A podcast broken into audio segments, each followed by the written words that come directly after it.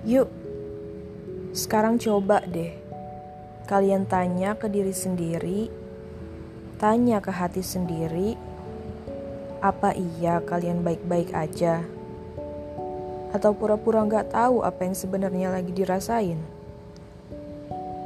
Coba deh, kalian kasih waktu ke diri kalian sendiri, biar diri kalian merasa lebih dihargai. Kalian kasih ruang ke diri sendiri, biar diri kalian gak merasa sesak terus-menerus.